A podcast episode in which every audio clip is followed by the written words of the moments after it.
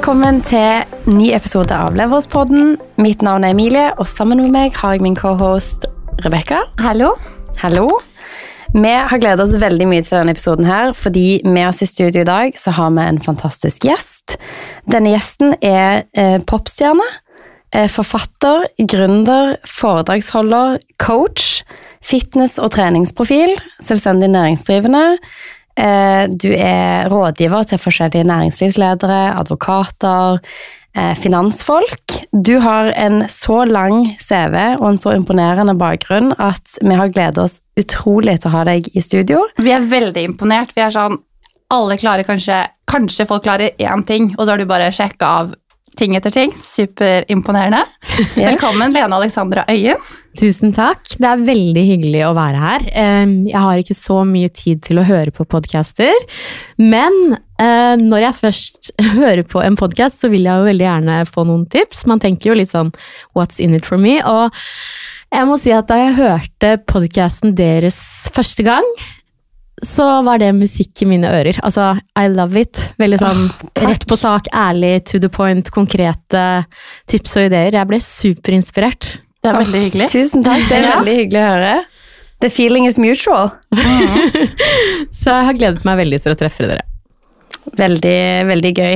Eh, Jeg tenker at Selv om vi kan mye om det du har gjort de siste 10-11 årene, så er det gøy om du introduserer deg sjøl litt, fordi veldig mange har jo et referansepunkt til deg som eh, popstjerne, du har hatt eh, noen veldig kjente låter, men du har gjort veldig mye forskjellig de siste ti årene. Fortell litt om det.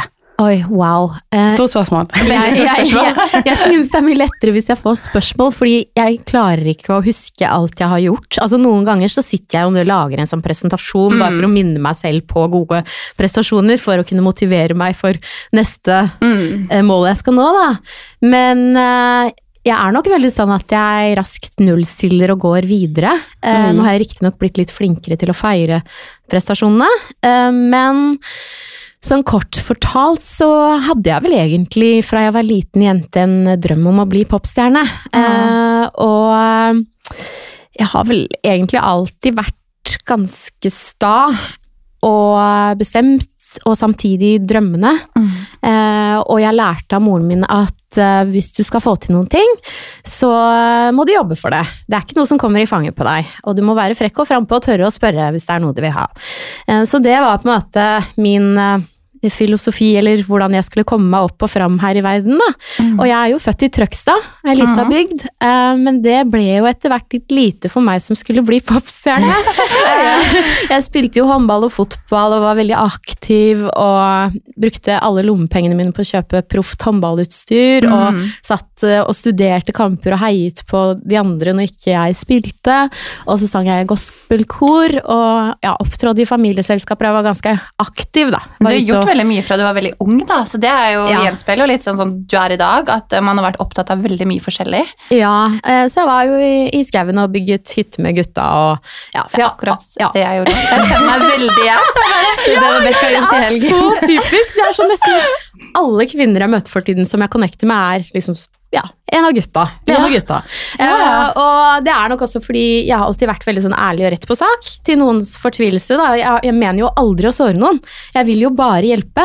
Men jeg har blitt misforstått en del, da. Men i hvert fall det at jeg har vært direkte og rett fram, har jo gjort at jeg har kommet meg opp og fram også, da, tydeligvis. Mhm. Fordi etter hvert så eh, flyttet jeg jo til Oslo. Eh, nå hopper jeg jo over mange steg, men det er jo umulig å fortelle alt, for jeg har gjort Ja. så mye. Men i hvert fall sånn tidlig i 20-årene så hadde jeg jo kommet meg inn til byen, da. Og eh, jeg bodde jo i et bokollektiv med syv gutter, og det var, de festet masse, og det var mye rot. Men ja, jeg skulle i hvert fall bo i byen, koste hva det koste ville. Og eh, jeg hadde jo også det målet om å bli popstjerne.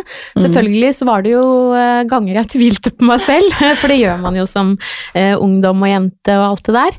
Men eh, jeg ga aldri opp drømmen. Eh, og så havnet jeg tilfeldigvis i en musikkvideoinnspilling for Tungtvann. Det har jeg hørt. Ja. Du, og da bare pitcher du deg sjøl skikkelig. bare sånn, ok, Nå har jeg en sjanse, nå skal jeg bare gå for han. Ja, klart, Jeg husker jo ikke ordrett hva jeg sa, da, men Nei. målet med å gå bort til Christer Falk, som da var eh, leder for plateselskapet deres Mm. og programleder i Robinson, var jo å få platekontrakt. Altså, det Ja. var det jeg hadde bestemt meg for.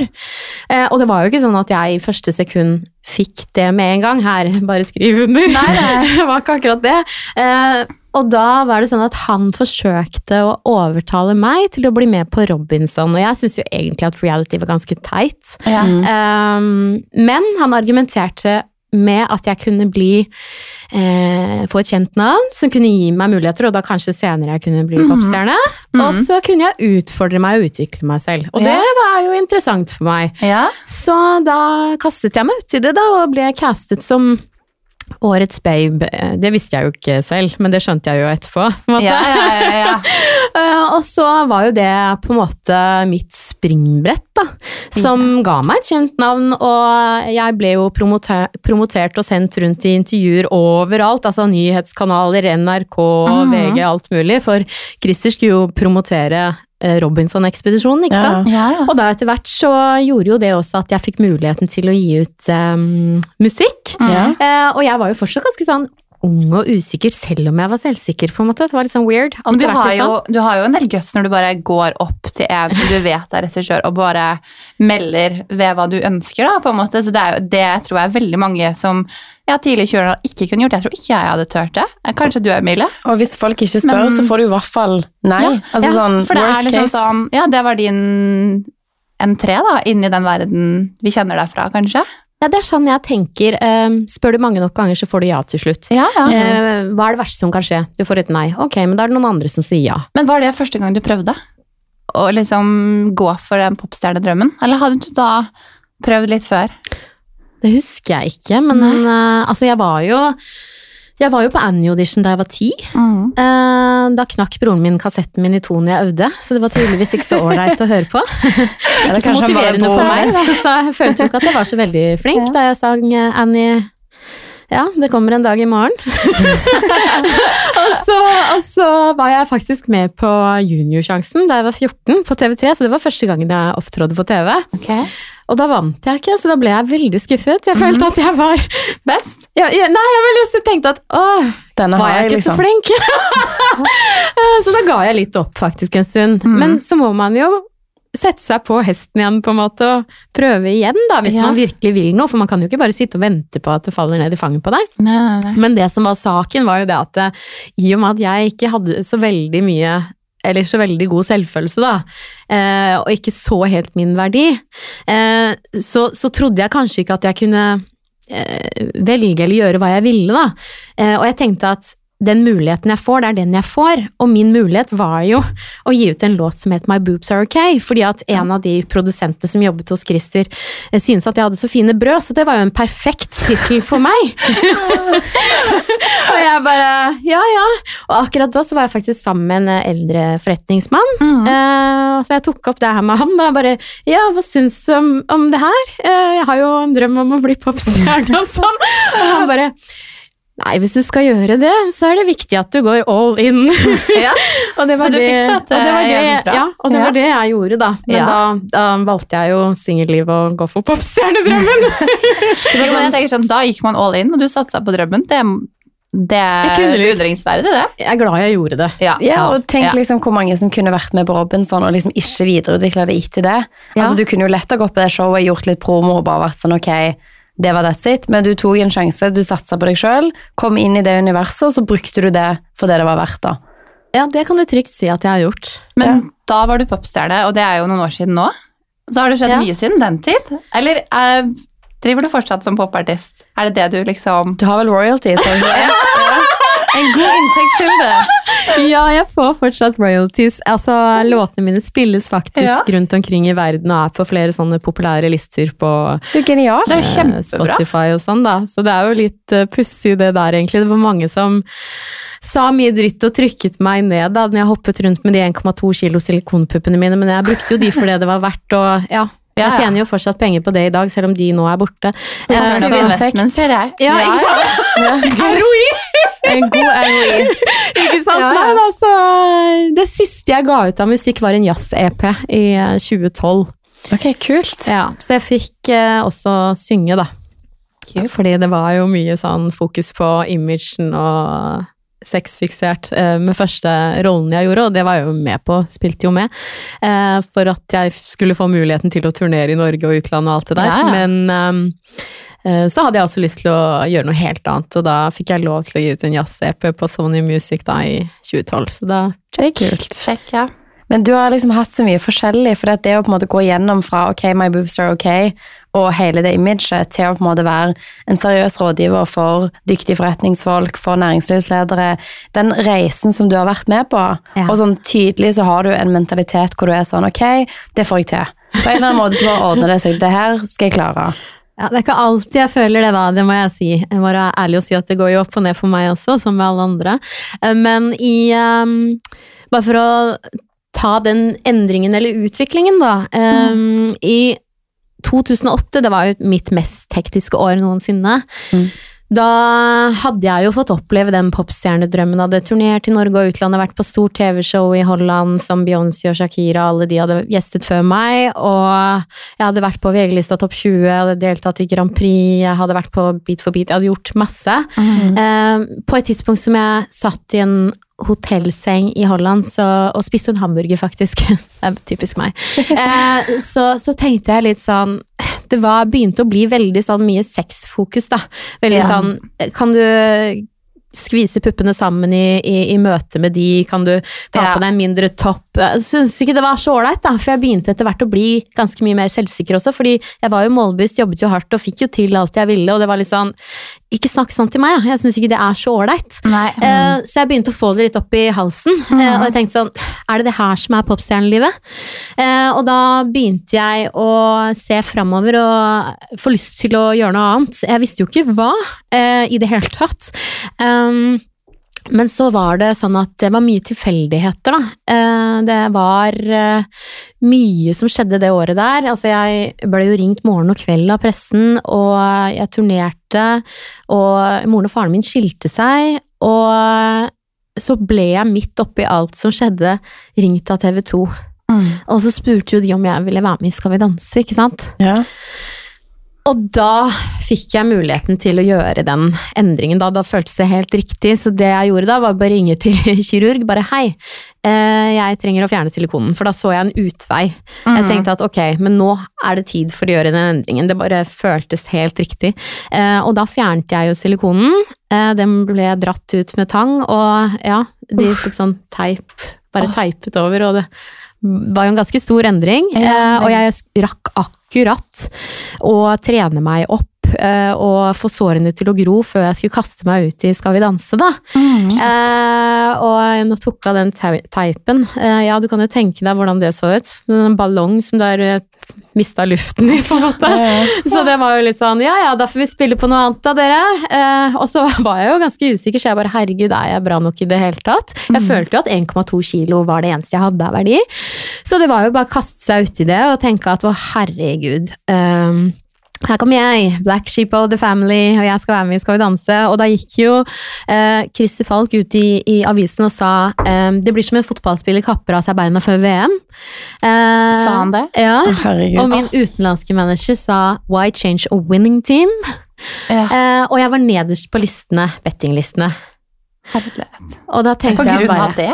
ja, I don't know. Altså- og da tenkte altså, jeg bare sånn- at ehm, dette her er perfekt for meg, at dere går ut og sier det.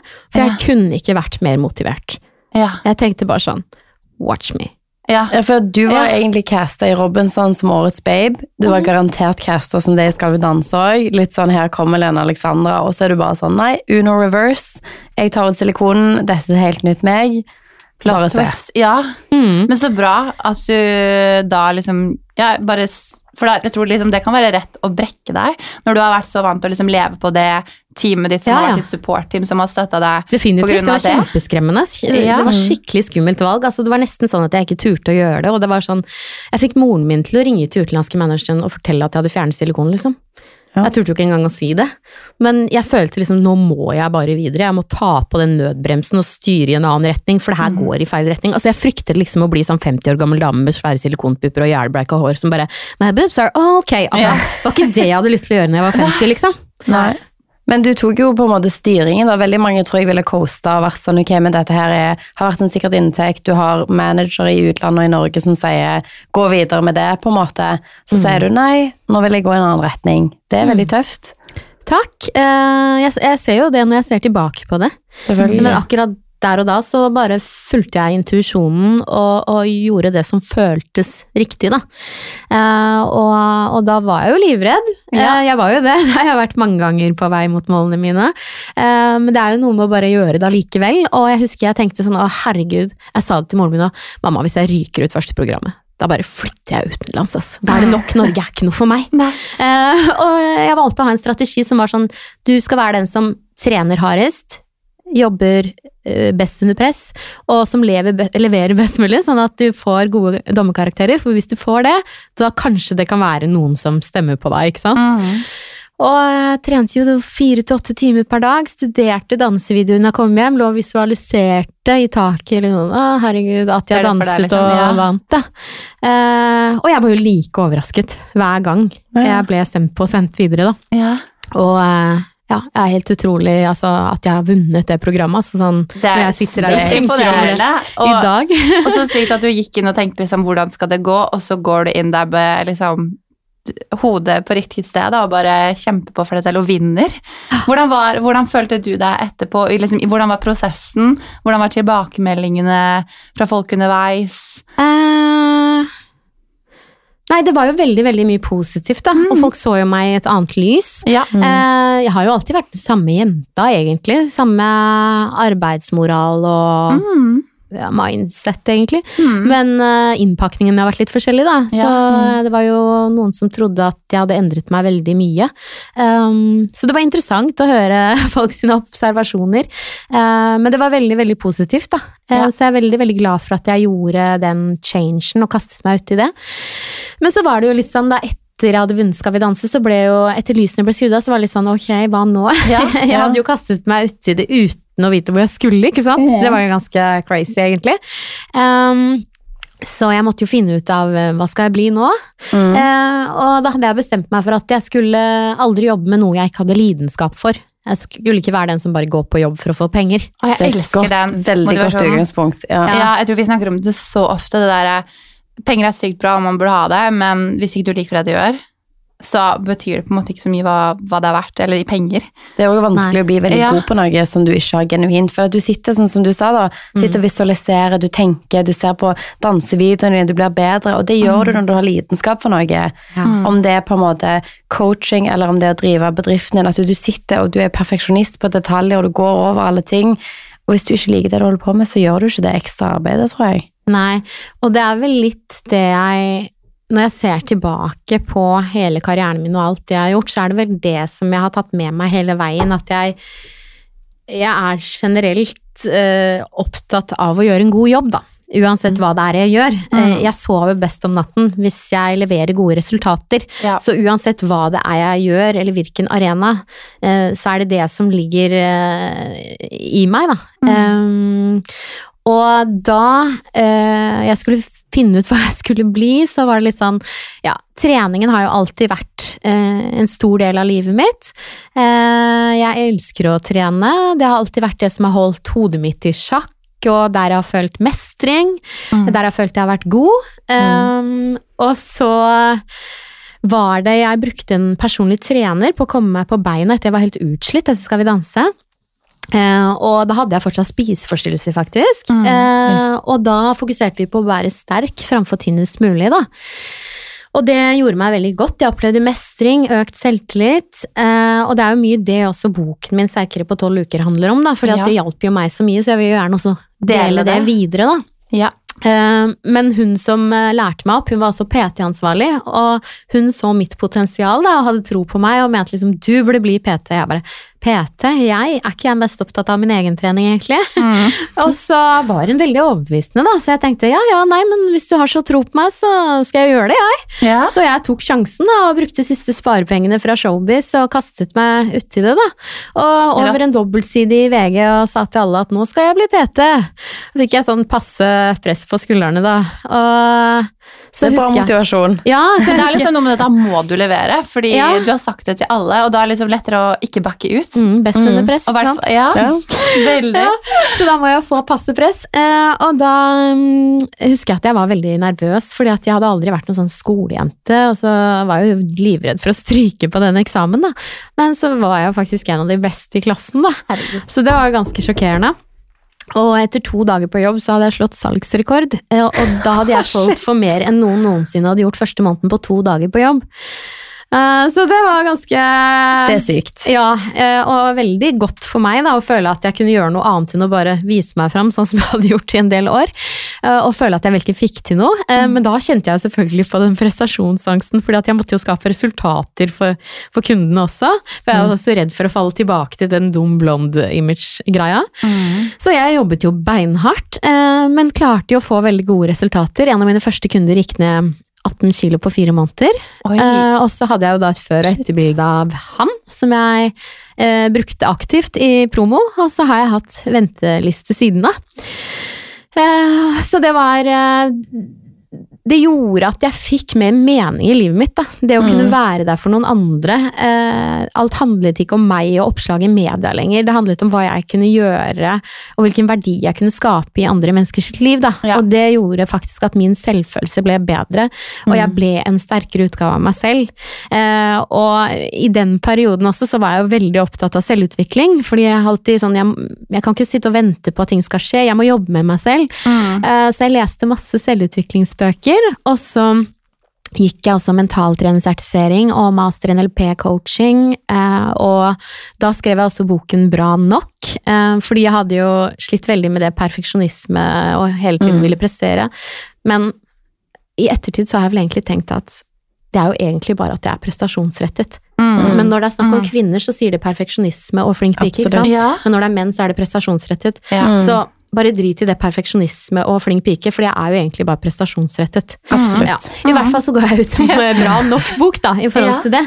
Eh, fordi jeg ønsket jo å gi videre det jeg hadde lært, da, det der som handler om å akseptere seg som bra nok, og gi faen og kjøre på. Mm. Noen ganger så kan du ikke fortsette å finpusse på ting, du må bare gi gass. Mm. Mm. Um, så jeg gjorde det, og så var jeg frontperson for Puma i tre år, og det var jo i det momentet som jeg ga ut en jazz-EP-en også. Altså sånn, jeg hadde en lang liste av ting du har gjort, men jeg kan bare skrive videre. Sånn, kommer en del ting og bare Det er utrolig. Altså sånn, nå så føler jeg når du forteller det, så ser vi den røde tråden. Ja, vi ser, okay, du, du kom inn i Skal vi danse, du har superfokus på trening, eh, mindset, hvordan du utvikler deg sjøl. Du er på en måte målbevisst i forhold til å skrive på okay, hvordan kan jeg bli bedre, hvordan kan jeg Ja. bli enda bedre neste gang, hvordan kan jeg ta all feedbacken, implementere det og gjøre det bedre neste lørdag. Men etter det da, så er det jo trening, og så fokuserer du på trening, og så blir det liksom veien videre der. Så jeg ser liksom den røde tråden, men når du står oppi det, så har du jo begynt på bar bakke mange ganger, hvor du er sånn, etter Robinson, hva gjør jeg nå?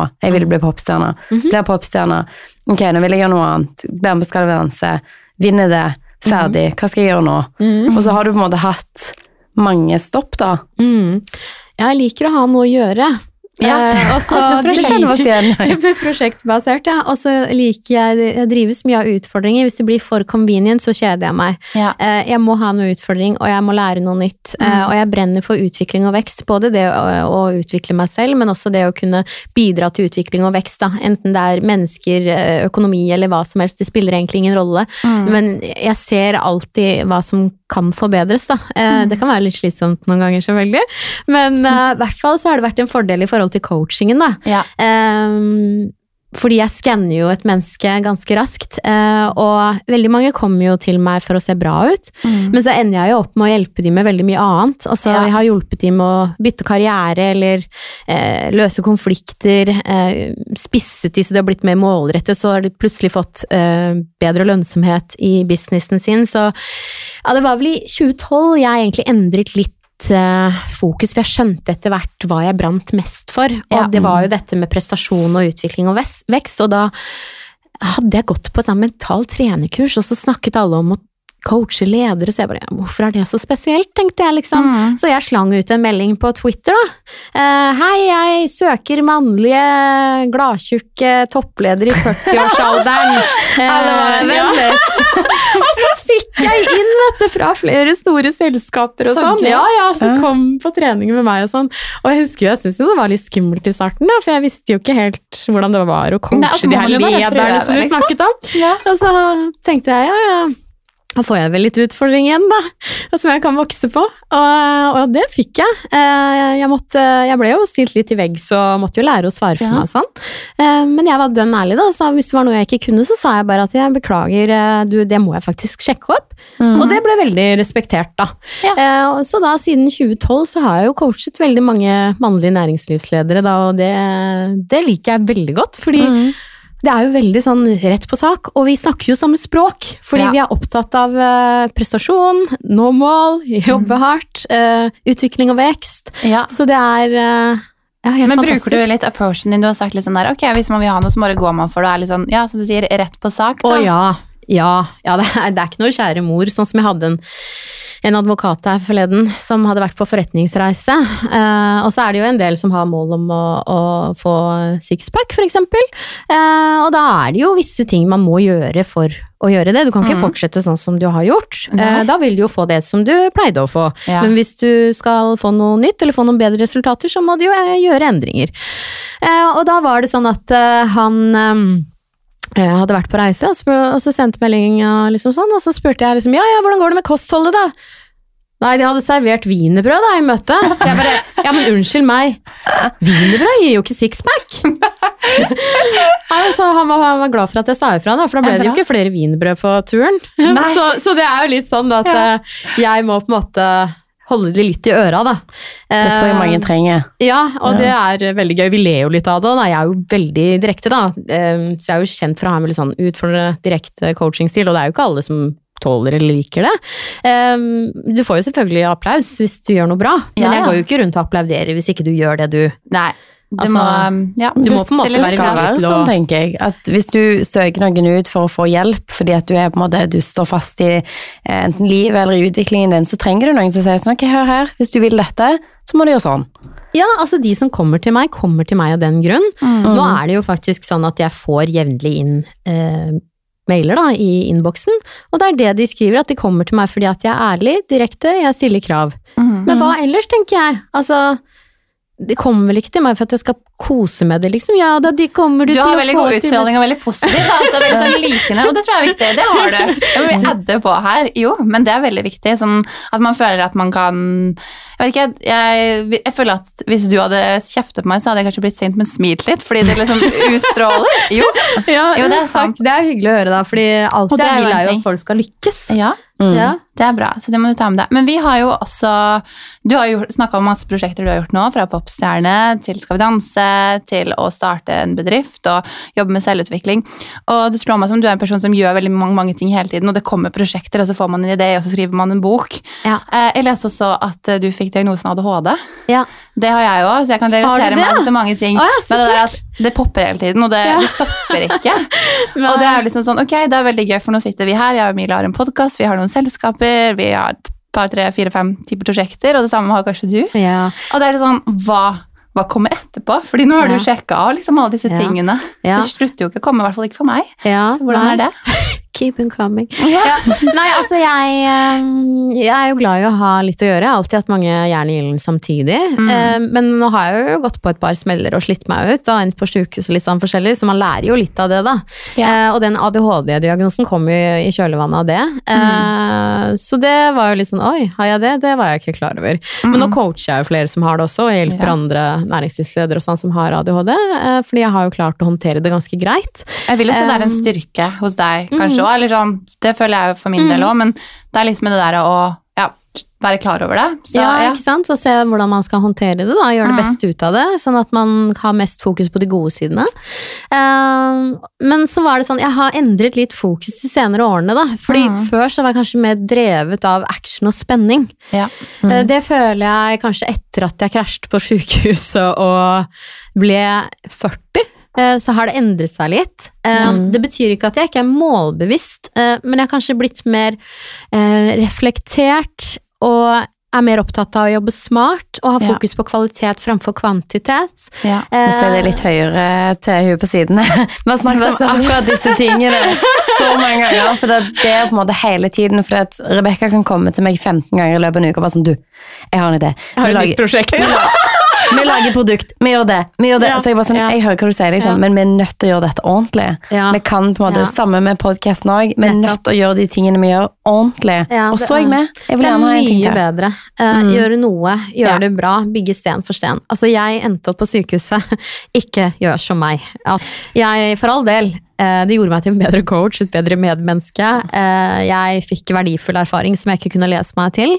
Eh, Men jeg unner ingen å ligge på sjukehus og ha lyst til å dø. Så Vendix, vennligst, eh, ja, det er bra du har mange ideer, men det er fint at du bremser lite grann. Eh, Så jeg, jeg hørte jo faktisk på noen av podkastene deres, og det var derfor jeg også bestemte meg for at jeg skulle snakke om akkurat dette. Mm. Eh, Fordi det er veldig mange som er gründere eh, som ja, det er jo jobb 24-7, da. Det er, jo, det er jo busy, da. Ikke sant? Og sånn vil ikke jeg ha det lenger. Ikke Altså, sant? jeg- jeg, jeg har preaching for the choir. Ja, Ja. jeg coacher menn over 60, og det har gitt meg et perspektiv også. Eh, Jeg er bare 40. Jeg har kanskje 30 år igjen av arbeidslivet. Ja. Eh, Derfor vil jeg heller gjøre noe, og gjøre det bra, kvalitet framfor kvantitet, og være stolt av det jeg gjør. Og så bruke tid og bygge ting gradvis, og drive med ting som jeg virkelig brenner for. Eh, For det er jo også gjort forskning på det, da, i forhold til Mm.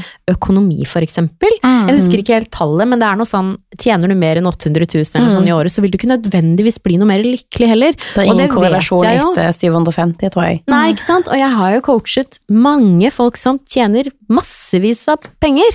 Eh, og alle har jo sine utfordringer. Og jo mer penger du tjener, jo mer ansvar har du jo som regel, og jo mer stress eh, fører det med seg. Og stress gjør jo at du får en dårligere helse. Eh, Så det er jo ikke bærekraftig in the long run, da. Så det jeg kanskje synes er utrolig viktig, eh, det er å ha fokus på helsen først og fremst, da. No health, no wealth. Altså, hvis du ikke tenker økonomisk helse, da. Eh, Nå er det jo sånn at hvis du ikke tjener nok penger, eh, så eh, kan du jo risikere å få psykiske problemer. Eh, sånn at det er jo viktig at man tjener nok, så man ikke stresser eller er redd for å ikke få betalt regningene sine. Det er jo det viktigste, først og fremst. Eh, og så etter hvert så får man jo se da, hvor den der eh, balansen går. Mm. Altså hvor mange prosjekter kan man faktisk håndtere samtidig? Fordi jeg var veldig, altså jeg er veldig sånn på utvikling og vekst, og det går av seg selv. Det, om det er ADHD eller hva det er, det vet Ja. jeg ikke, men man kan alltid gjøre mer, tenker jeg. ikke sant? Så jeg har måttet trene på det med grensesetting og det å holde igjen og si nei. Og bruke litt tid på å analysere og evaluere er dette et prosjekt som jeg virkelig har lyst til å drive med, og som jeg kan like over tid. Eh, Mm. Fordi som regel, eh, selv om jeg liker veldig å jobbe start, slutt og prosjekt, så eh, må man drive med det samme ganske lenge, da. Man Mm. kan ikke alltid gjøre ting man syns er gøy, eller variere selv om man har veldig lyst. Eh, så ja, jeg har nok blitt litt roligere de senere, årene, men jeg merker jo at ja, jeg må holde meg litt igjen. Jeg tror jeg skal høre den episoden på repeat. Det tror jeg Når Jeg skal lage sånne bits til denne som du kan ha som manifestasjoner om morgenen. Ja, jeg, jeg tenkte at det var viktig å snakke om det her. Eh, for jeg ønsker jo gjerne å bidra til uh, bedre helse, uh, og kunne gjøre en forskjell. Og ja, det er bra at vi vil opp og fram og prestere og sprenge grenser, men uten helsen så har vi faktisk ingenting. Ja. Så ja. Men hva kan man gjøre da? Fordi i min situasjon nå, så det som kommer sist på lista, det er trening og spising. Vi snakket om det på vei ned Yes, spiser når vi har tid. Jeg elsker egentlig å trene, jeg har trent masse, så jeg Mm. må gjøre det sånn, sånn rush. Da, så drar jeg og seiler, gjør en helg og holder på masse, liksom.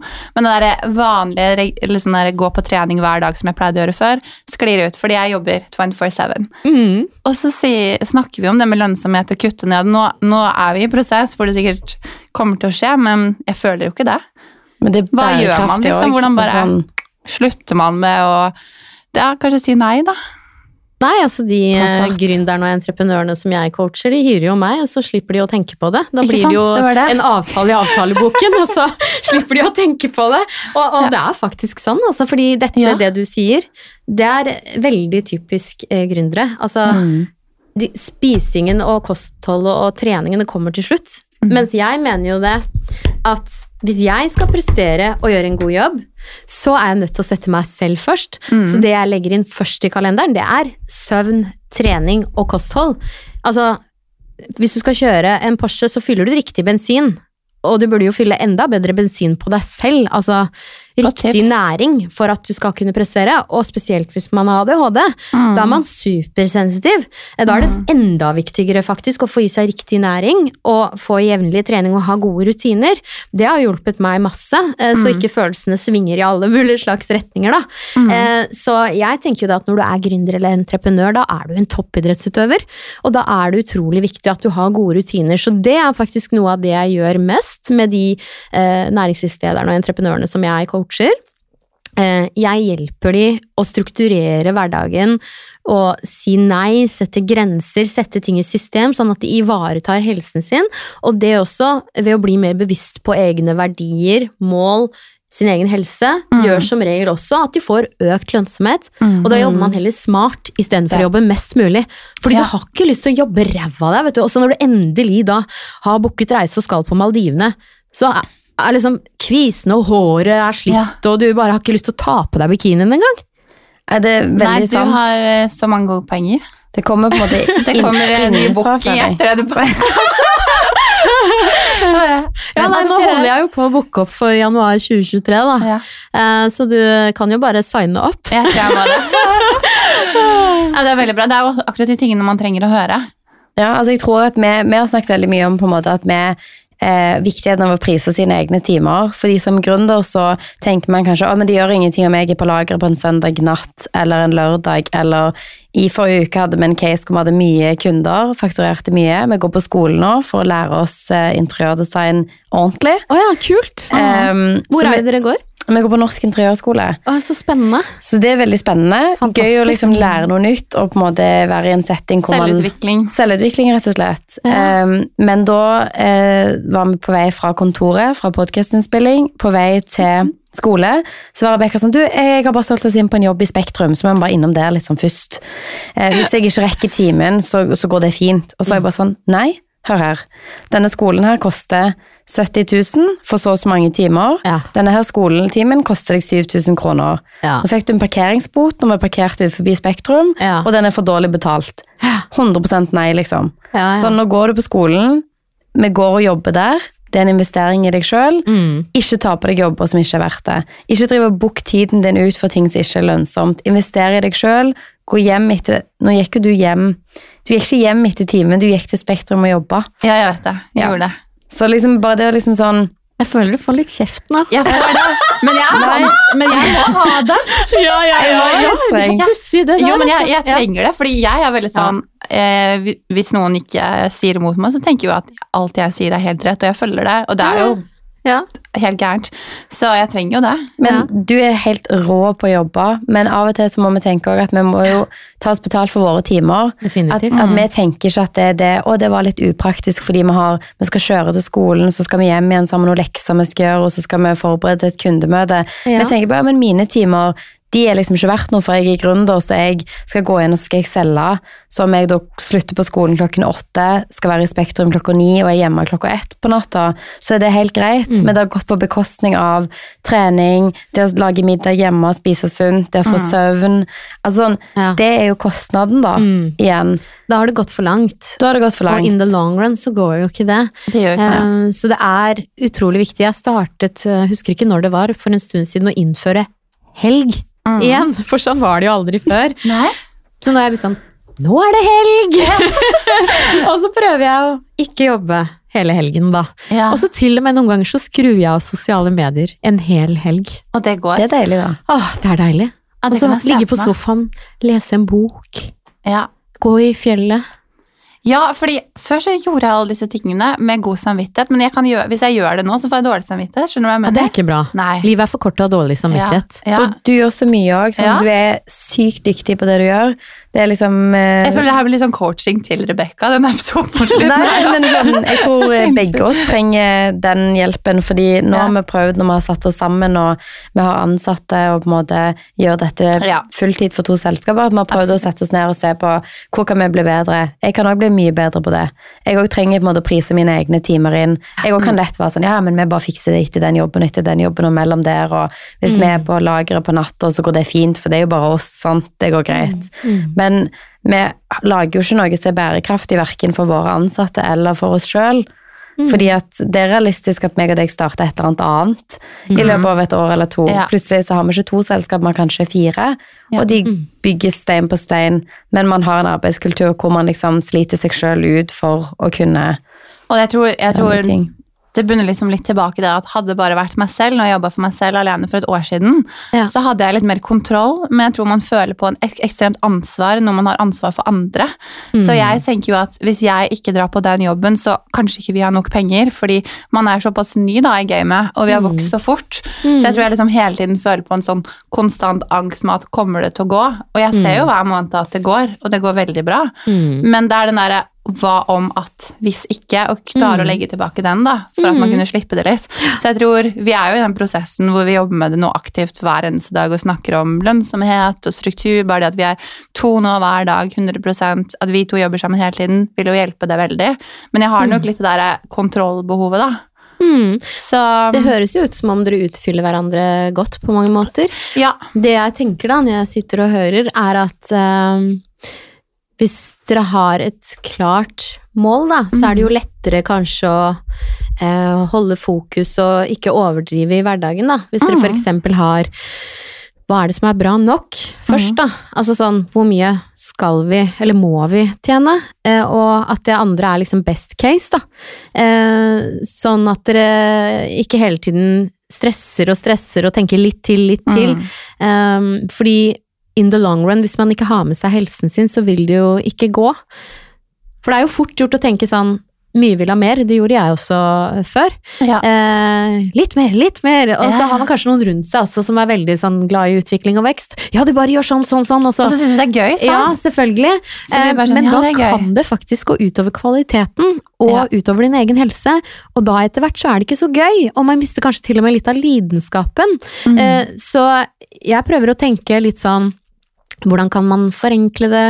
Kutte kostnader, ikke trenge så mye eh, simplicity, da, nærmest.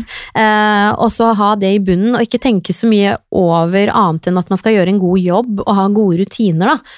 Og gjøre det man gjør her og nå, bra. Og da vil jo det gjøre at man naturligvis får en utvikling og vekst, da. Mm.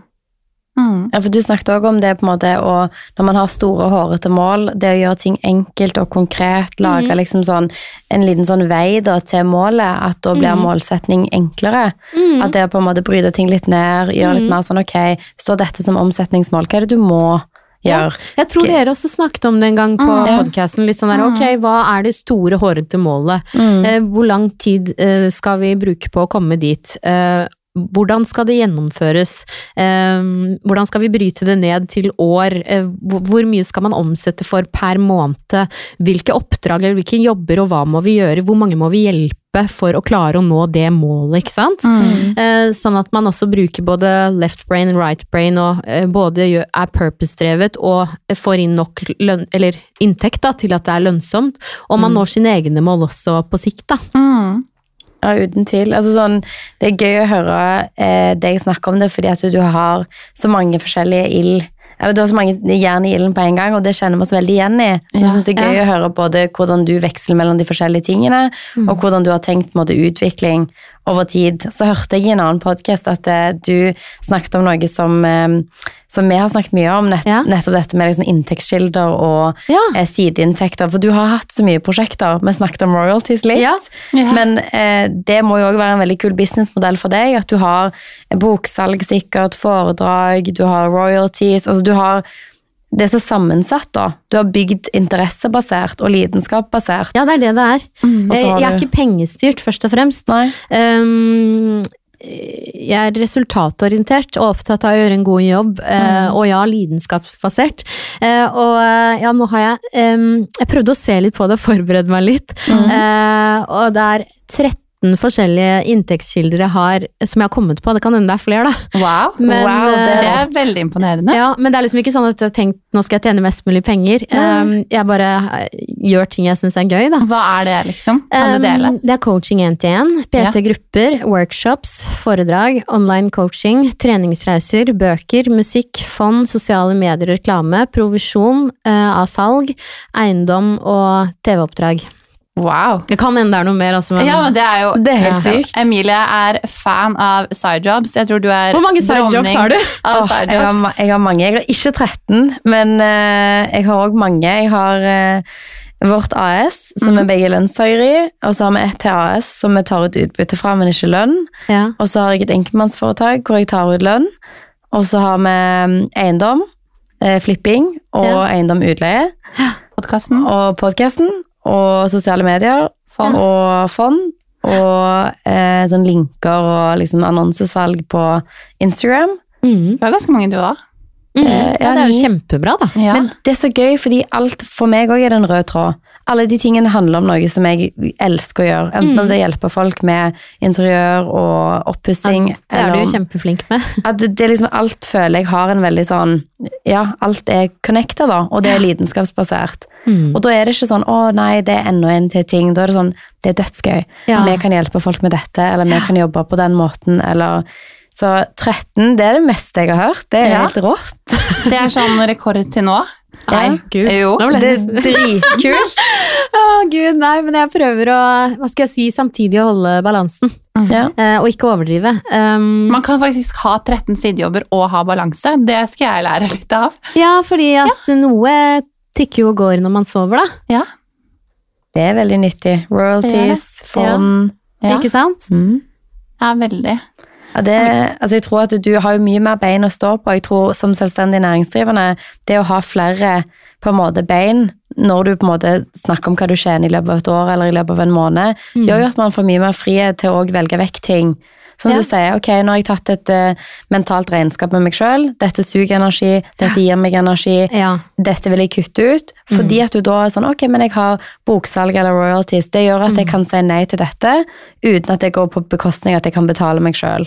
ja. Og det er en fin eh, plass å være, tenker jeg. Ja, så tenker jeg, jeg vet ikke hvordan dere gjør det, da, men jeg lager i hvert fall et eh, budsjett for året, da, eh, som jeg hele tiden oppdaterer, som jeg har i Google Doc, eh, hvor jeg da har eh, lagt opp sånn at ok, noe gjør jeg ukentlig, Mm. eh, noe, eksempel treningsreise, det gjør jeg jo ikke ukentlig, naturligvis, jeg har jo en i november, Mm. Eh, og så bøkene, det går jo av seg selv, eh, så det må man liksom promotere kontinuerlig, Mm. da. Eh, så det er liksom sette det i system og passe på at det ikke blir for mye for ofte, da. Mm. Eh, og sånn sett syns jeg det er veldig fint å se hele året. Det er sånn ganske teit, men jeg kjøper en sånn Kiwi-kalender i papp. Ja. Det er liksom min greie, da, for da ser jeg hele året. Ja. Fordi Hvis ikke så kan jeg nok fylle for mye ting inn i det, men når jeg ser den foran meg, Ja. så ser jeg det mer sånn ok, men du kan faktisk ikke rekke mer enn det. I, I det halvåret eller året her, da. Så setter jeg gjerne mål for hele året, og så for kvartalet, og så, -hmm. sånn at jeg Et vet nytt produkt for deg, en kalender. ja. Men også shout-out til Kiwi, vi skal da etterpå få oss en kalender. ja, ikke sant? Så Kan ikke eh, du lage en sånn kalender, så kan jeg kjøpe det, for Ja. jeg trenger jo 100% det. Ja, mm, samme. Ikke sant? Så vi har Merch. to salg rett her. Ja. Yes. Jeg vet, ikke, jeg vet ikke helt om det er det mest lønnsomme produktet, men eh, Kanskje se digitalt. Hva kan Ja. printe det ut. Ja. Jeg er inne på noen businessideer. Ja. Ja. Mm. ja. Gruppecoaching. Eh, Ja. Hold deg til planen. ja. Vi har fått en sånn gratis coaching med denne episoden her. Kan du komme tilbake neste mandag òg? ja, ja, ja. Hver mandag. Ukentlig gjest. Ja. Ja, nei, Det er er utrolig imponerende og veldig kult å se noen som så smidig har gått gjennom veldig mye forskjellige jobber. Og liksom funnet balansen, jobba veldig målbevisst, jobbet mye med deg sjøl, virker det som. Og så har du hele tiden, liksom, fordi at det har vært lidenskapsbasert, så har du også liksom Jeg òg får veldig den trangen med en gang jeg enten elsker trening, så er jeg sånn Å, herregud, dette må jo andre folk vite òg. Ja. Og så er det sånn, da, Ja. Du ble PT, var sånn treningsglede, dette vil jeg dele. Ja. Og så var det dette med på en måte å dykke inn i liksom, og utfordre deg sjøl mentalt, bli bedre, coaching. Ok, dette må jeg dele. Mm. Få den videre. At du liksom hele tiden har gjort ting med genuin interesse, og så vært sånn Her er jeg knukket en kode, det vil jeg ta med videre. Ja, og så tror jeg det også er forskjellige faser i livet. Ja. Um, sånn som akkurat nå, for eksempel, så kunne ikke jeg tenke meg å ha um, noe personalansvar eller ansvar for andre i daglig drift. Jeg synes det er veldig ok å jobbe mye alene og heller jobbe med andre på prosjekt. Uh, mens i framtiden kanskje jeg gjør det igjen, ikke sant? Det er en tid for alt. Altså, um, jeg valgte å liksom skalere ting litt ned og, og ha mer kontroll og Mm. Uh, og det var veldig riktig for meg, da. Ja. Eh, fordi at livskvaliteten min er det viktigste i mitt liv. Ja. Eh, jeg har sluttet å tenke jo større, jo bedre. Eh, jeg vil la meg veldig inspirere av andre som eh, har hårete mål og som gjør det dritbra og sprenger grenser. Jeg kan gjerne hjelpe andre, Mm. og at de sprenger grenser. eh, og bidra til andres vekst. Eh, men akkurat nå så kjenner jeg at jeg vil veldig gjerne kunne bruke helgen på å gå opp til Ullevålseter uh, i ro og harmoni, og jeg vil kunne sove lenger en dag hvis jeg har lyst til det, og det er viktig for meg å få trent og få tid til å ha gode samtaler med venner. ja. Det er jo litt sånn eh, usunne sånn hustle culture, eller sånn Jeg har i hvert fall vært veldig sånn jeg vet ikke om det er algoritmen min på TikTok, eller hva det er, men liksom den der typ sånn girlboss, sånn aldri slutter å jobbe, er Ja, du gründer, så er det på 24-7, liksom sånn. Ja. Mer den der balansen av at sånn, jeg har ingen mål om å, å ha et sånn et liv. Nei. Jeg er ikke fornøyd hvis jeg ser at sånn, herregud, vi jobber hele tiden, vi jobber når vi sover, vi er på lageret på natten, sånn. Det var en periode i livet mitt hvor jeg syntes det var kult, Ja, men det er ikke så kult lenger. og det Nei. er ikke det, for at du blir jo helt utslitt. Fordi Ja. det er ikke kult, Nei. egentlig. Nei, og så er det sånn, for meg eh, Jeg har ikke behov for å ha ti Gucci-vesker og 100 Prada-sko. Det er ikke det som gjør meg lykkelig. Altså jeg burde kanskje bytta jeans nå, eh, men jeg bruker det. Det er det svære hølet mellom beina. Det var ikke alle som så det. Men, men det, var en, det var en dame i Slottsparken som bare Du, unnskyld meg, du har et høl i buksa. Jeg bare Ja ja, det går fint. Ja, ja. Jeg burde sikkert ha byttet den buksa, men jeg sliter ut bukser og sko og alt til det er slitt, for jeg tenker sånn For meg så er det sånn å kjøpe seg noe dyrt, det er ikke sånn jeg gjør bare sånn uten videre. Nei. Altså, jeg jobber hardt for pengene mine, og Mm. kanskje jeg er ganske kjedelig, men eh, litt sånn eh, Jeg synes det er litt viktig å være litt sånn nøkternt, Ja. eh, og da kan man heller slå på stortromma en gang innimellom. Men hvis man har litt orden på ting, da, og ikke har for mye faste utgifter, så trenger man heller ikke å presse seg selv til man spyr på jobb, da. Nei. Det er veldig sant. Er Det er noe med det å finne sånn passende balansepunkt. For, for meg så handler livskvalitet mye om det å eh, gjøre ting som jeg digger, eh, det jeg brenner for, og eh, kunne ha muligheten til å trene, ha energi. Mm. Altså være den sterkeste utgaven av deg selv, da, rett og slett. Ja. Og det er ikke nødvendigvis jo mer jo bedre for meg. Det er jo veldig godt poeng. jobben din kommer fra. Hvis du er helt utslitt, så er det jo veldig vanskelig for deg å coache andre. andre. Ja, jeg tenkte det da, Ja. når jeg har ti coaching sessions i løpet av en dag, Ja. og jeg skal sørge for at de som kommer inn døren har det bedre enn før de kom Ja. inn, når de går ut. Det krever jo mye av deg. Ja, altså hvis jeg selv ikke har hodet mitt på plass, Ja. Da er det umulig for meg å si de riktige tingene og, og være til stede og Mm. høre på hva de sier og trykke på de riktige knappene så de presterer. Absolutt. Så jeg kan jo ikke Og det er derfor også, som vi snakket litt om i stad, i forhold til det med energier. Mm. Jeg kan jo ikke bruke tiden med mennesker som prøver å dra meg ned, eller som tapper meg for energi. Nei. Jeg er nødt til å omgås mennesker som unner meg å lykkes, og som gjør meg bedre. Mm. Fordi hvis ikke så kan ikke jeg gjøre en god jobb. Og, og jobben min er utrolig viktig for meg. Ja. Mm. ja. Det er jo deg, holdt på å si. Det representerer jo det, hvem du er og hva du står for. Du er jo avhengig av deg i jobben din, og jobber for deg selv, liksom. Eh, en annen ting som jeg så på Instagram her en dag, er at du studerer. Du Ja. går på skole. Ja. Du også. Ja, du òg? Ja, Ja, ja, ja. Stemmer. Student. Du går på. BI og tar lederutvikling. Du sa der, ok, jeg er ikke interessert i personalansvar nå, men du vet jo aldri, og du coacher jo liksom Ja, de, de coacher i næringslivet eller på treningsreiser og sånne ting, så det er, jo- det er jo utrolig liksom spennende at du også f- fokuserer på det, da, at du hele tiden utvikler deg selv samtidig som du utvikler andre. Ja. Og tror du liksom, eh, du tar jo en ledelsesutdannelse nå, at du vil fortsette det sporet du er nå? Har du noe sånn herre Jeg syns det er helt utrolig vanskelig når noen spør meg om hva du gjør om fem år, fordi Det vet jeg ikke. Men Mm. har du liksom noen plan på hvor du kanskje kan være? Er du der du er i dag, eller tror du at du er et helt annet sted? Um, Har du tenkt på det? Nå kom det opp mange tanker. Ja. Eh, jeg får også bilder opp i, i hodet. I hodet. Um, og jeg tror dere også har snakket om det tidligere. Uh, det der med at eh, jeg er også veldig sånn at jeg gjerne skriver sånn drømmemål, og det skal jeg klare innen fem år, og, og det er så gøy man sjekker av Mm. Ja, hva man har fått til. Og så etter hvert så er liksom alt sjekket av, så er det liksom ok, hva nå? Eh, og da, det er liksom, nå kjenner jeg at det er i en sånn fase hvor jeg, jeg tok et skritt tilbake da jeg sleit meg ut. Eh, jeg fikk erfaring som leder. Mm. Jeg trodde selv at eh, det var ganske greit, men jeg lærte jo raskt at det, det er ikke bare bare. Altså, og da tenker jeg ok, da må man bare bite i sure og bare innse at ja, du er langt ifra utlært. Og så sette seg på skolebenken og lære enda mer. Det er ikke dermed sagt at jeg har som mål å bli leder, men jeg er opptatt av å utvikle meg og lære, og i og med at jeg coacher næringslivsledere og entreprenører, så er jeg jo interessert i å forstå og lære enda mer, sånn at jeg kan gjøre det jeg gjør enda bedre. Mm. Uh, og personalansvar har vi jo til, til våren for øvrig.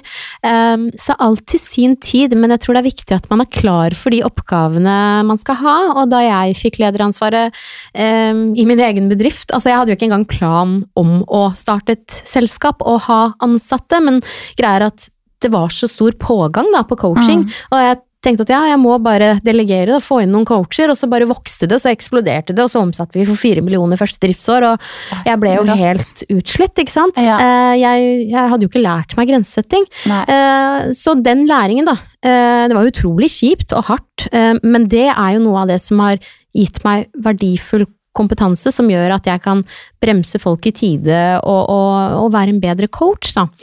Eh, Og så tenker jeg at eh, utdanning og utvikling blir aldri feil.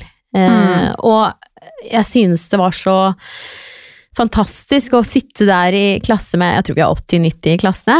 Um, og jeg har jo opptrådt på BI for fadderullan med My Poops Are Okay, faktisk. og så har jeg holdt foredrag for siviløkonomene på BI, og så har jeg vært medforeleser i sosiale medier der, da. eh, Med Cecilie Veldig stor spredning Ja, i ja. Eh, men jeg hadde ikke gått der som elev, og det er jo ikke alltid merkevaren eh, lever opp til eh, det du tror, da. Eh, men jeg synes det var veldig proft, og jeg likte meg veldig godt. Og ja, kanskje for en av de første gangene i livet så følte jeg at jeg passet litt inn. Ja. Eh, For det var veldig mange eh, forskjellige typer mennesker der som også var opptatt av det samme som meg, utvikling og vekst, og som unner andre å lykkes. Eh, jeg har alltid fått høre at jeg er så perfeksjonist og så ekstrem, men det er jo egentlig prestasjonsrettet, ikke sant? Mm. Og det var det jeg opplevde av den gruppen av folk som var der, og det var så mange forskjellige, da, fordi dette er for um, executive-avdelingen, og da er det jo voksne som har jobbet mye fra før, som kanskje er leder, eier av egen bedrift, uh, eller er leder i, i det offentlige, så det er mange forskjellige businesser som man uh, får erfaring og kunnskapsdeling fra, da. Ja. Så det blir veldig sånn tver, tverrfaglig. Uh, Så, så det kjenner jeg at det var et riktig valg for meg. Og grunnen til at jeg valgte akkurat det, var jo fordi at jeg jeg føler at jeg, jeg har veldig sånn bred kompetanse, og eh, kan pretty much do whatever I want, Mm. men jeg har ikke helt bestemt meg. Nå var det jo liksom showbiz eh, 20 til 30 ish. Mm. 30 til 40 eh, PT coaching. Eh, coaching kommer jeg jo til å ta med meg uansett hva jeg gjør, tenker jeg, men jeg vet liksom ikke helt hvilken retning det blir de neste ti årene, så det er det jeg prøver å stake litt ut. Hva med lærer? Lærer på nei. Nei, nei, nei. nei, nei, nei, nei, nei. Jeg ser for meg at du hadde vært en veldig god lærer. Nei, det har jeg jo jo lyst til. coach, Eh, Ja, ja, det er litt for, forskjellig, da. Men ja, um, ja. eh, Stå der på samme sted hver dag og snakke og si det samme. Jeg Ja, tror nei, ikke det. Nei. Nei, du må Eh, ha litt utfordringer. Da tror jeg ikke jeg sånn. får ut mitt potensial. Eh, da må du være sånn gjesteforeleser eh, i så fall. Det blir jo spennende. ja. Det blir spennende å se, da. Men, men jeg tenker um, Så derfor så tok jeg den som var liksom sånn uh, basic. Få inn en del ting som jeg kan en del om fra før, men få litt mer teori rundt det. Mm. Eh, og den kan du uansett bruke i å bygge en f.eks. bachelor of management, da. Hvis du har Mm. lyst til å skreddersy en manage... Eller eh, bachelor etter Mm. hvert. Det vet jeg ikke om jeg skal gjøre, men vi får se. Tar jeg det året her først? Mhm. Eh, og så får vi se hvilken retning det går i. Men uansett, altså Jeg må føle at det utfordrer meg. Det må være utvikling og vekst. Eh, og jeg vil gjøre mer av det jeg føler jeg allerede er god på. Da. Ja. Mm. Så kanskje dere har noe innspill? Altså, ma- mange der. Jeg tenker jo at liksom sånn, det er veldig spennende å gå videre med coachingprinsippet, for når du coacher noen, og du ser noen sitt potensial, så kan du gjøre det i veldig mange andre settinger òg. Man kan være konsulent inn mot selskap, med omorganiseringer, med struktur, med strategi. Sånn den type management consulting, nesten. Ja. Fordi at det er jo òg mye å lese mennesker, Mm. forstå behov for en bedrift. Det er liksom veldig overførbart fra coaching mot et selskap. Jeg tror det kan være spennende for deg. Ja, pussig at du sier det, for det, akkurat det har jeg begynt å gå mer rettet mot. Da. Mm. Og det er uh, stadig flere som ønsker hjelp til det. Ja. Så det syns jeg er kjempespennende. Uh, Kjempebra innspill. Ja, Ja, Det mye, mye muligheter. Mm. Jeg tenker det og liksom sånn òg, på en måte alt rundt på en måte perso altså, det du har gjort i sosiale medier, medietreningen du har, branding-perspektivet er òg en kul ting mot bedrifter. Du er flink til å se mennesker du òg, da. Kanskje du er rå på det. Du er veldig god på det. Ja, ja, virkelig. Altså. Det er Men jeg tror det kunne vært kult, fordi det er veldig mange som har en kul idé, som gjerne ikke har den edgen. De klarer ikke helt å finne liksom, hvordan tar vi dette til markedet, hvordan profilerer vi oss som eh, f.eks. gründer. da, Hvordan bygger man en personer rundt noe som gjerne er en god idé, men at man klarer ikke helt å få konseptet ut som folk biter på. da. Går raskere også med coaching, vet du. Ja. Og så tror jeg liksom sånn, Hvis noen hadde fortalt meg de tingene du fortalte meg i stad, før man begynte, på en måte, Ja. hvordan kan man gjøre det? Eller hvordan kan man møte de som er, eh, er i prosessen i tidlig start? Da? Jeg vet ikke. Mm. Er det, kanskje man kan gå og ta et nytt marked? Fordi de innspillene kan jeg i hvert fall Jeg tror du har følt på det. Veldig mange jeg kjenner som jobber med det samme, som vi sitter liksom i de samme problemene, da. Mm. Men det er jo ingen som har fortalt oss det før man kommer dit. Ikke så er det jo litt vanskelig hvor skal man inn og finne ut av hvem som blir gründere eller ender opp der, for det er jo litt tilfeldig. Mm. Men øh, kanskje noe som er også retta mot det. Ja, nei, jeg skal faktisk starte å, å, å coache en ung jente som eh, startet sitt uh, selskap forrige uke. Oi, Så, så det blir veldig gøy, da. det er spennende. Ja. veldig gøy. Mm. Det gleder jeg meg veldig til. Ja, det er veldig gøy å høre at folk går på det så tidlig. For Ja. da, har man liksom, da kan man unngå veldig mye Tenk alle de årene hun har foran seg, da. Ja, Altså, og så bare Begynner i man til riktig rette retning. for det. Ja, begynner i riktig retning, ja. For det, er jo, det må jo være bedre det enn å liksom gå tilbake og endre. Man kan jo alltid gjøre det, men sånn som jeg har mange, så mange dårlige rutiner nå, men da må man liksom begynne helt i enden og bare starte på scratch. Ja. Det er spennende, men sånn, nå har vi snakket om mye forskjellig. Ja. Eh, og vi har snakket om på en måte alt fra målsetning og det å bryte opp mål til å endre karriere underveis, følge lidenskaper. Mm. Har du noen tips for på en måte, Du kommer jo med tips i, i jobben din. Du er en coach, du leser folk, du på en måte gir folk konkret tips om, om hva de bør gjøre. Mm. Hva tenker du for de som hører på, da, som kanskje er interessert i det å, å nå høye mål, det å på en måte eh, kanskje stake seg ut i en ny retning, endre karriere sånn som du har gjort? Er det noen generelle tips da kanskje som du har nytt godt av, som du vil dele? Mm. Ja, nei, sånn generelt sett så vil jeg jo si det at eh, først og fremst så er det jo viktig å kjenne etter inni seg selv eh, hvilke verdier du har. Eh, For det er jo navigatoren i livet vårt. Det spiller ingen rolle hva alle andre gjør, og du må for all del ikke sette et mål fordi en kompis eller noen andre gjør det eller syns det er kult. Fordi du vil komme til å møte motgang, uansett hvilket hårete mål du skal nå. Men hvis det er verdiankret, da, at det virkelig betyr noe for deg, da vil det være lettere å stå i den stormen da, og motgangen som du vil møte på. Eh, og så er det jo det at eh, Ja, å være forberedt på at det faller ikke bare ned i fanget på deg, du må faktisk jobbe for det.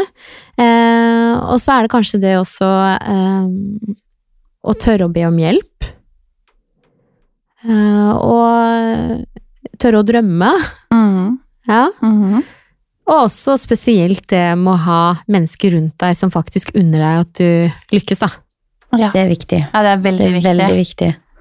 Det er utrolig viktig. Det er veldig veldig gode tips. Jeg føler vi har dekka ja, mange mange interessante temaer i denne podkasten. Får bare komme tilbake neste uke. Ja, jeg er jo veldig spent på hvordan det går med dere, da, og flippingen og alt sånn. Altså, det syns jeg er kjempespennende å følge med på. Altså, er det nye prosjekter på gang, eller hva tenker dere i forhold til det med at renten skal gå opp og Altså, det er jo veldig spennende. Nå skjer det jo mye. Altså, Ja. Mye liksom skummel eh, journalistikk rundt liksom, å, nå skal man Ja. ha så og så mange rentehevninger, Ja. sånn og sånn. Jeg har hele tiden, eh, når vi har fullført et eiendomsprosjekt, Mm. delt profitten mellom å eh, betjene lånet og eh, investere i fond. Sånn at jeg har hele tiden følt at jeg fordi at jeg gjør kanskje ett eller to prosjekter i året, Ja. hele tiden jobbet med å få et mindre boliglån, men samtidig tatt ut penger og investert i markedet. Sånn at Mm. hvis det skulle skje et eller annet i boligmarkedet, en korreksjon eller en endring, så har jeg på en måte deler av pengene mine der, Mm. og deler i fond. Mm. Sånn at eh, når det er usikkerhet i én kategori, så er det ikke nødvendigvis usikkerhet i den andre.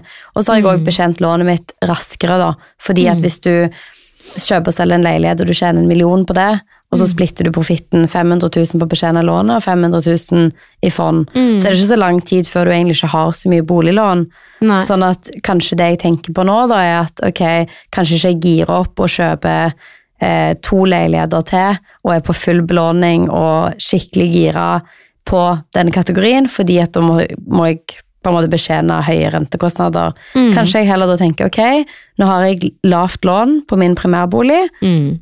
vente litt. Kanskje det òg betyr fordi at det er renteøkninger, at du kan få kjøpt ganske gode leiligheter for en bra pris fordi færre folk Mm. kjøper de. Og fordi at jeg da har lite lån, Mm. så kan jeg benytte meg av den muligheten når kanskje alle andre er sånn 'Å nei, nå skal jeg ikke kjøpe noe'. Mm. Men det er jo, hadde jeg hatt 100% lån på min primærbolig, og så lånt meg opp på det for å kjøpe en sekundærbolig, så hadde jeg kanskje tenkt det er ikke så lurt. Men strategien har hele tiden vært del profittene sånn at du har rom når det kommer muligheter, sånn Mm. som eksempel nå, da. Hvis Ja. renten går opp, så kommer prisene mest sannsynlig til å gå ned. Etterspørselen går ned fordi at folk sitter lengre, de venter. Mm. Kanskje en bra mulighet til å kjøpe noe Mm. når prisene går ned. Og da har du Mm. mulighet til å gjøre det. Ja, det er det jeg også tenker. Mm. Det blir spennende å se hva som skjer. Altså, du har Ja. jo også kjøpt leilighet og Ja. er i full rulle med oppussing og Ja, jeg kjøpte okay. leilighet nå for sommeren, så nå er jeg full ja, oppsings... eh, Hvor kjøpte du?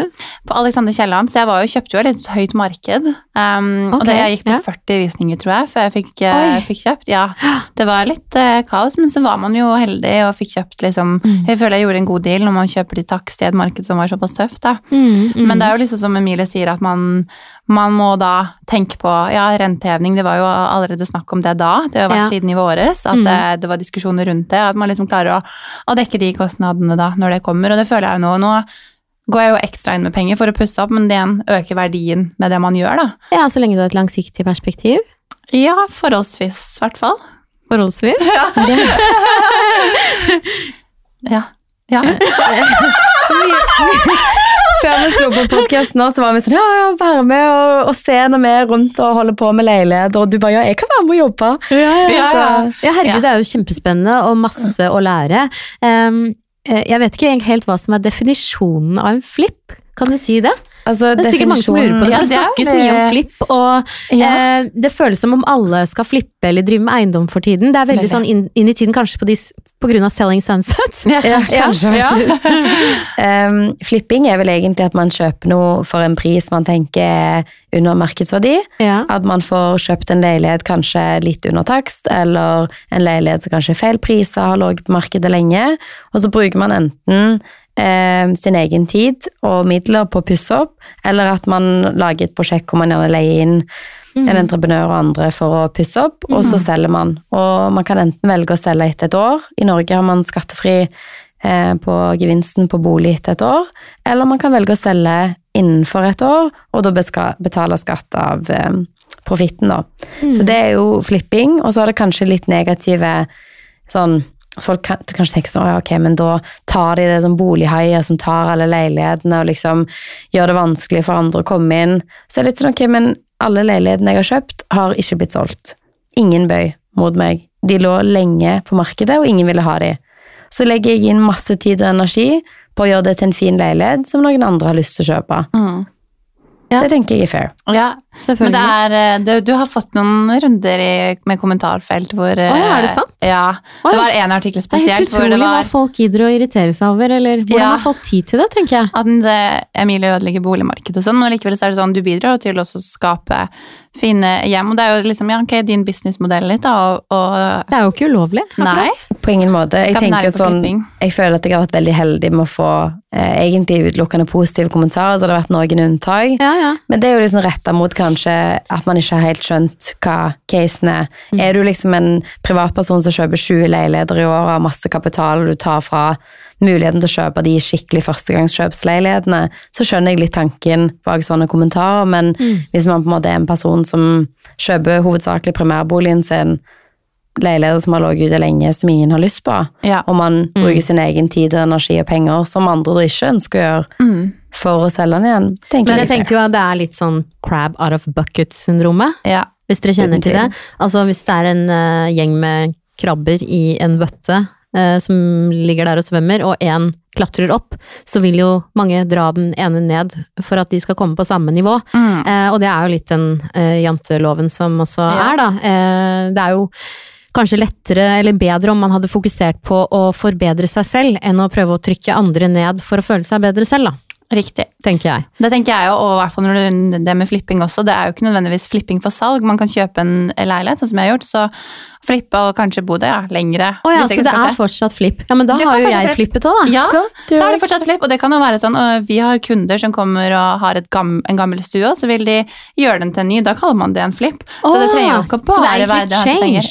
change. Så vi alle jobber med endring her. Yes. Ja. Ja, Endring og vekst. Det er den røde tråden. Ja. Vanligvis er jo flipp på en måte forbundet med at man har salg, i hvert fall innenfor et Ja. år. Ja, ok. Men eh, det at man forbedrer noe som gjerne har potensial, og enten at man venter, og så tar man og casher inn på den endringen senere med et salg, eller at man gjør det relativt kjapt innenfor tolv måneder. Da. Men jeg tror på en måte at det, eh, det vil alltid være noen som på en måte setter spørsmålstegn med noen som er sånn å, det er enkle penger, det er masse jobb. Ja, men også, hva er galt med å tjene enkle penger, da?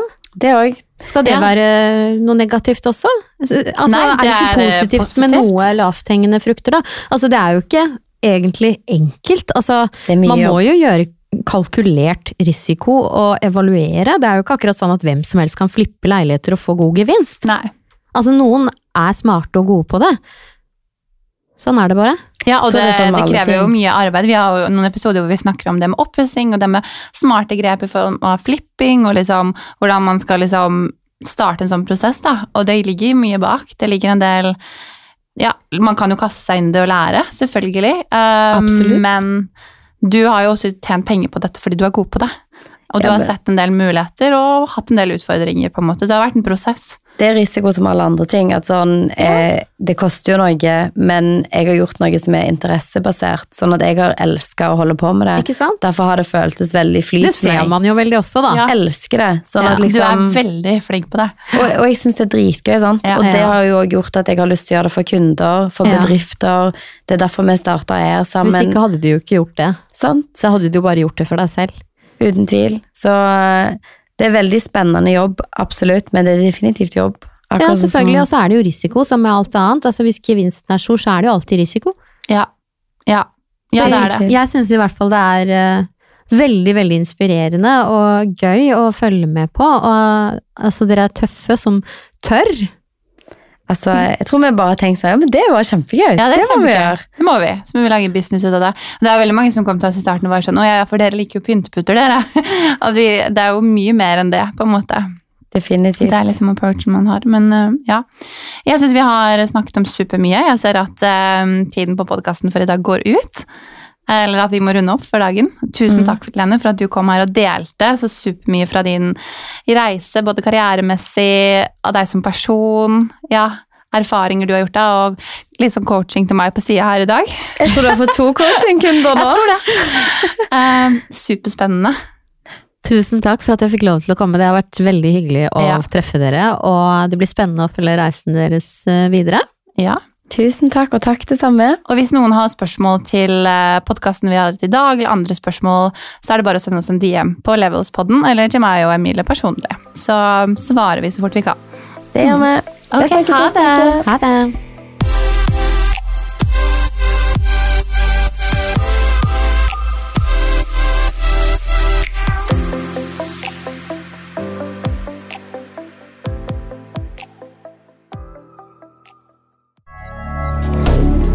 Moderne media.